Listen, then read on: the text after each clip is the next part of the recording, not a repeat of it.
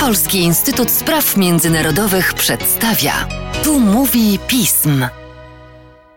Tu mówi pism. Przy mikrofonie Mateusz Józwiak, a wraz ze mną dr Marcin Przechodniak, analityk, ekspert Polskiego Instytutu Spraw Międzynarodowych do spraw Chin. Dzień dobry Państwu, cześć Marcinie. Dzień dobry wszystkim, którzy nas słyszą i cześć. Szanowni Państwo, pora w naszych podcastach na pewną refleksję, bo przecież jak już wspominaliśmy przy okazji naszych poprzednich nagrań, wsparcie Chin dla Rosji jest wyraźne i dosyć jednoznaczne, choć pewnie skala wsparcia różni się od tej, jaką obie strony by oczekiwały. Wszystko to jednak ma swoje podstawy w sprzeczności interesów ze światem zachodnim, pewnej argumentacji, działań, które mają swoje podstawy chociażby w widocznej retoryce antyamerykańskiej i antynatowskiej. Pora więc na pierwsze pytanie, z czego to wszystko wynika?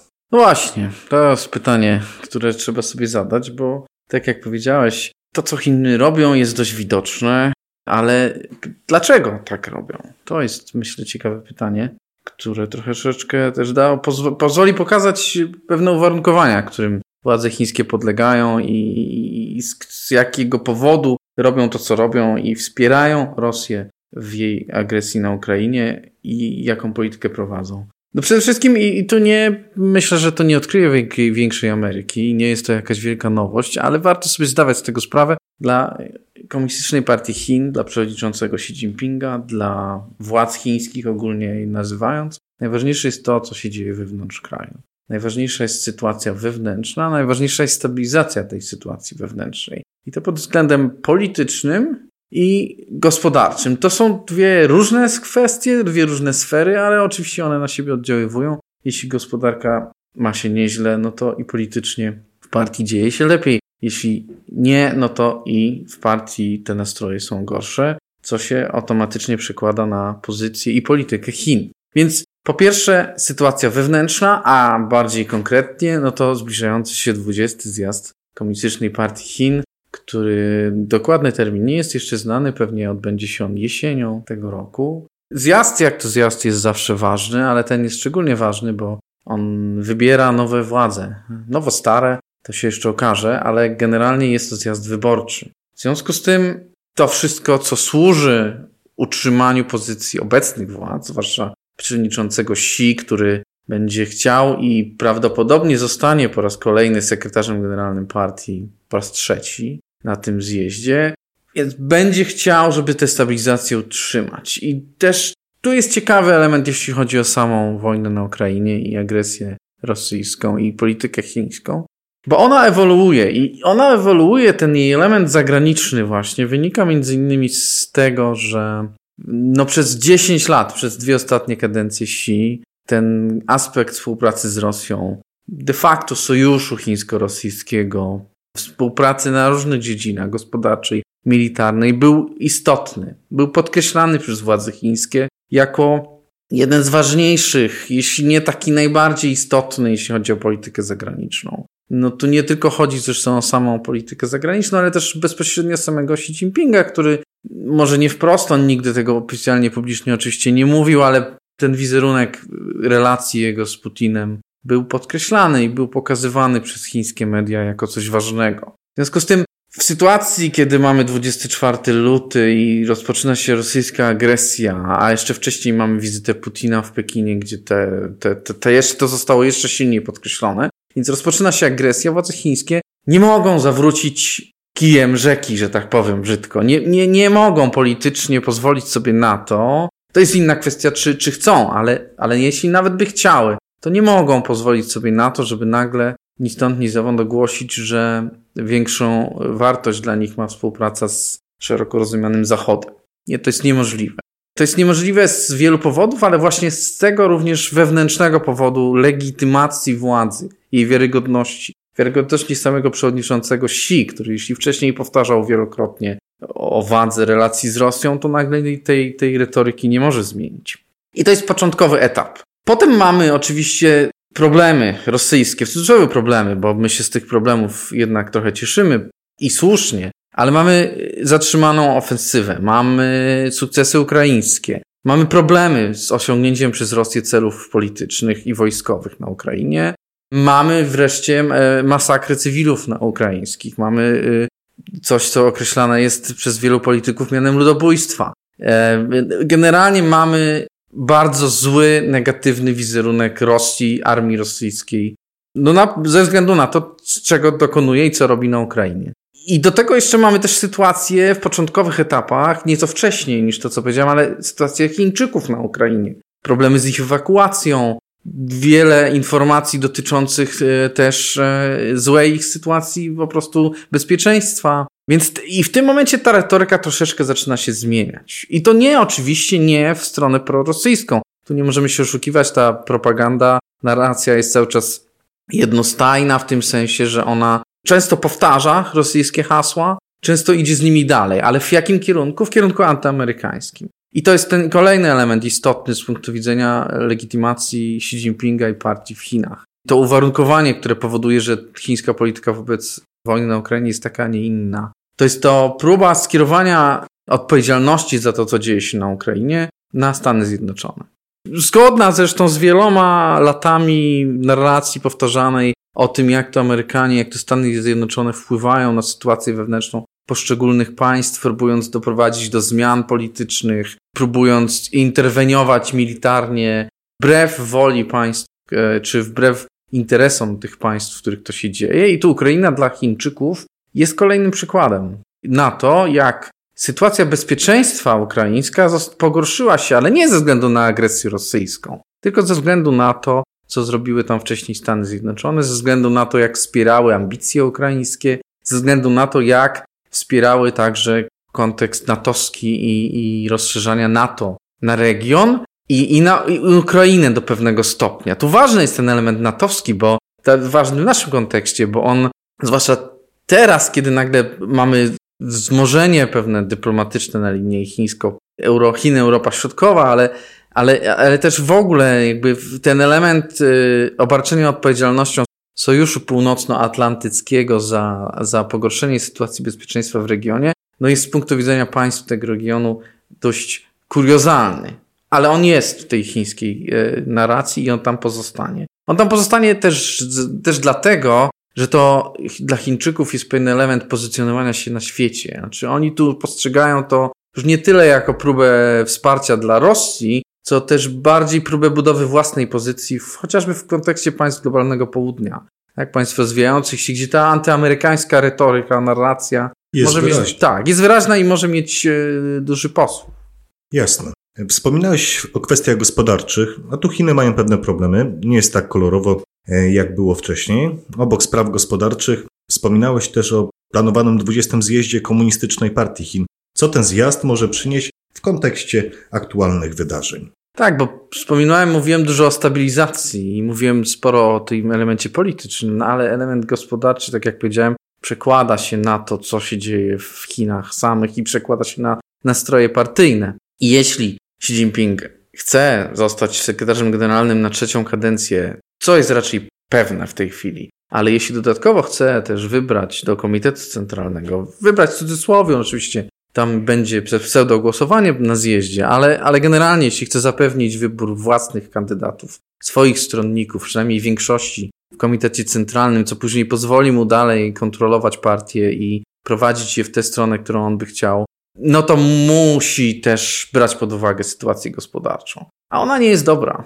Ona nie jest dobra i ona coraz bardziej wygląda na to, że nie będzie lepsza w następnych miesiącach tego roku na pewno do zjazdu. Przede wszystkim to jest kwestia pandemii koronawirusa. Tak? Chiny wpadły w pewną pułapkę. Pułapkę pewnego optymizmu, też myślę, że pewnego działania celowego, który polegał na tym, żeby jednak te Chiny izolować od świata, co się przekładało na właśnie taką, a nie inną politykę wobec pandemii koronawirusa. Bo mamy w tej chwili, ze względu na to, że Chińczycy są zamknięci na świat i przez te kilka lat taką, a nie inną politykę prowadzili, mają w tej chwili chińskie społeczeństwo, które w zasadzie w dużym stopniu nie ma odporności wobec nowego wariantu Omikrona.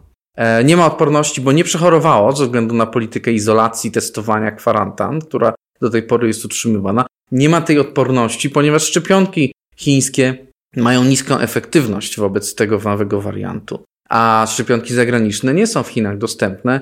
Nad szczepionkami mRNA dopiero się pracuje i też, no a też nie, nie ma możliwości ani produkcji, ani logistyki, żeby szybko je wykorzystać, nawet w sytuacji, gdyby one były dostępne. Więc ten problem istnieje, tak? Mamy wariant, nowy wariant wirusa Omikron, który w Chinach w tej chwili opanowuje coraz nowe miasta, nowe regiony. Mamy oczywiście Szanghaj, który jest najbardziej znanym przykładem, ale to nie tylko Szanghaj. Szanghaj jest widoczny, w Szanghaju jest dużo cudzoziemców, ale mamy też całą prowincję Jilin na przykład, która jest również objęta w dużej mierze lockdownem. Mamy któryś z ośrodków analitycznych to oszacował bodajże ponad 80 miast z chińskiej listy miast, 100 miast, które pod kątem są klasyfikowane pod kątem wpływu y, w, w, na PKB chińskie, tak? Wytwarzanego wpływu, wytwarzanego PKB w Chinach, tak? Za 100 pierwsze miast, ponad 80 jest w tej chwili objęte takimi, a nie innymi restrykcjami w związku z nową falą koronawirusa. To ma wymiar społeczny oczywiście i to widzimy głównie w Szanghaju, tak? Problemy z dostępem do żywności, protesty i tak dalej, i tak dalej, ale to ma wymiar gospodarczy oczywiście. To już częściowo widać, chociaż dane gospodarcze, statystyczne, które kilka dni temu opublikowano, Chiny opublikowały kolejne dane za pierwszy kwartał, e, no one nie obejmują, obejmują tylko marzec, w związku z tym częściowo tej fali koronawirusa jeszcze w nich nie widać. Tak? Tam jest wzrost PKB o ponad 4%, ale tam są widoczne spadki i w konsumpcji, tak, czy w sprzedaży po prostu. Tam są widoczne spadki też w imporcie, czyli spadająca oczywiście e, e, potrzeba Chińczyków kupowania produktów. Więc tam są pewne symptomy, które pokazują, że to będzie miało wpływ na tę sytuację gospodarczą, że to, co premier Li Keqiang obiecywał podczas sesji parlamentu, czyli wzrost PKB w tym roku około 5,5%, było i tak bardzo optymistycznym założeniem.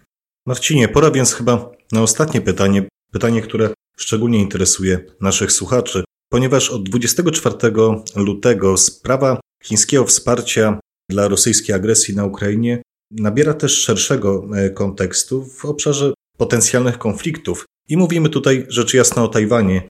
Stąd pytanie do Ciebie, jak zmienia się kwestia Tajwanu e, i chińskich planów wobec tej wyspy? No to jest tak, to jest dobre pytanie. Myślę, że w pierwszej kolejności trzeba jednak odłożyć już na półkę, obok, na bok, odsunąć na bok.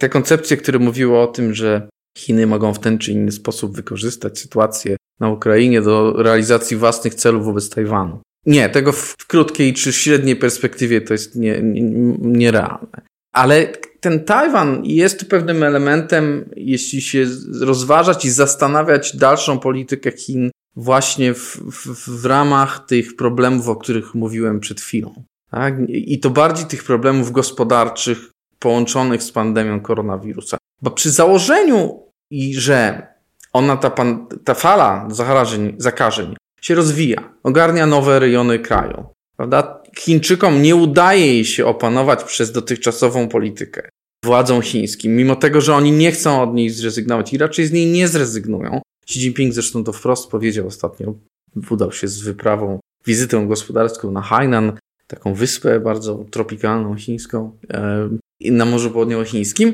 W każdym razie powiedział wprost, nie ma możliwości zmiany polityki zero przypadków. To oznacza, że nadal to będzie prowadzone w stylu kwarantan, testowania, lockdownów, co oznacza, że nadal będzie miało negatywne przełożenie na gospodarkę. I w związku z tym jeśli nie ma odejścia, no to są do wyboru kilka różnych możliwości władzy, pewnej ucieczki do przodu, prawda? Od trudnej sytuacji gospodarczej, dość trudnej sytuacji politycznej też. Tu się, jak powiedziałem, narracyjnie próbuje to przedstawiać w inny sposób i Chińczycy troszeczkę sobie tutaj lepiej radzą, ale wewnętrznie w tym kontekście zjazdu, pamiętajmy cały czas, że oni cały czas myślą o tym zjeździe i to jest coś, co ich zajmuje. Więc te wszystkie decyzje podejmowane są w, w jakby w, mając z tyłu głowy ten, ten, ten problem.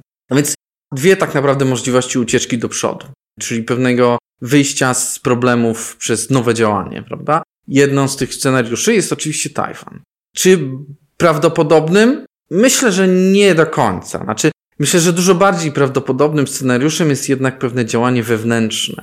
Pewna, tak naprawdę dalsza represyjna polityka wobec społeczeństwa, która będzie nakierowana na to, żeby zmusić, jakby zdusić pewien opór związany z, z wirusem, a jednocześnie nie zadusić gospodarki. I to myślę jest bardziej prawdopodobne, ale nie wykluczałbym jednak, że w sytuacji, kiedy te instrumenty nie zadziałają, a potrzebne będzie pewne oparcie oparcie społeczeństwa chińskiego, potrzebna będzie pewna mobilizacja aparatu partyjnego, mobilizacja społeczeństwa za przewodniczącym i za partią, że nie dojdzie do pewnej eskalacji w ciśnienie tajwańskiej. To jak powiedziałem, jest moim zdaniem mniej prawdopodobne niż wewnętrzna represyjność partii, zwiększenie kontroli i zwiększenie jeszcze większej dyscypliny, ale nie wykluczałbym tego całościowo. W końcu, kto z nas był racjonalnie w stanie przewidzieć, że 24 lutego Rosja zaatakuje Ukrainę? Prawda? Racjonalnych i w tych kategoriach też postrzegałbym ewentualną decyzję Xi Jinpinga. Ona racjonalnie nie ma większego sensu, tak? Decyzję dotyczącą ofensywnych działań wobec Tajwanu. Racjonalnie nie miałaby większego sensu, a w każdym razie większy sens miałyby te działania wewnętrzne, tak? Pewna konsolidacja społeczeństwa za pomocą aparatu represji. Ale z drugiej strony, tu postawię znak zapytania, bo tu musiałbym mieć szklaną kulę, żeby na to pytanie odpowiedzieć. Jak już powiedziałem, nie można tego scenariusza całkowicie wykluczyć. Szanowni Państwo, w Tu mówi pism nie potrzebujemy szklanych kul. Działając w oparciu o rzetelne analizy i obserwacje sytuacji międzynarodowej, będziemy dalej rozmawiać również o kwestiach chińskich. Tymczasem dziękuję Ci, Marcinie, za dzisiejszy podcast. Dzięki wielkie. Państwa zaś zachęcam do śledzenia naszej strony internetowej, czytania najnowszych biuletynów i komentarzy, śledzenia naszych mediów społecznościowych, także naszego kanału na YouTube. Z mojej strony to wszystko. Dziękuję Państwu za uwagę i do usłyszenia.